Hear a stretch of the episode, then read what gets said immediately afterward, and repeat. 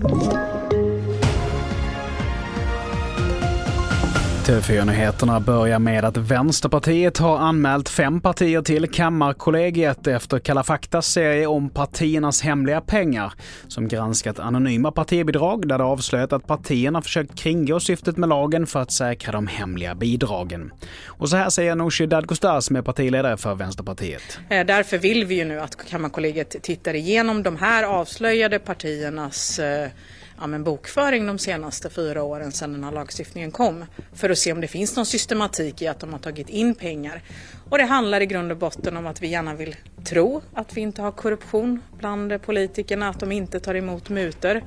Eh, så detta är ju mycket farligt eh, mot vår demokrati. Och mer om detta kan du hitta på tv4.se. Vidare till Örebro där ytterligare fyra män har anhållits misstänkta för blåljussabotage efter påskupploppen tidigare i år. Det rapporterar Aftonbladet. Totalt har nu 23 stycken gripits och 11 har dömts till fängelse varav två ska utvisas. Och vi fortsätter med att det är dags att se över amorteringskravet och bolånetaket, det anser regeringen. Och Finansinspektionen har därmed fått i uppdrag av regeringen att utvärdera konsekvenserna av amorteringskravet och bolånetaket för hushållen nu när vi går mot en lågkonjunktur. Det förs en penningpolitik som ska strama åt ekonomin. Eh, det är själva tanken med räntehöjningar, att det ska kylas ner så att inflationen faller tillbaka.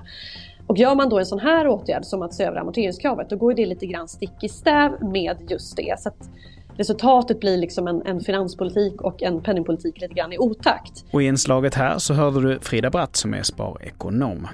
Till sist, Moderaterna och Kristdemokraterna vill att Sverige ska stötta Ukraina med tungt artilleri.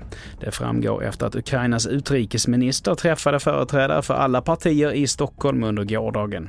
Regeringen har lovat ett ytterligare stödpaket till Ukraina om en miljard svenska kronor, men exakt vad som ingår i paketet är inte klart i nuläget.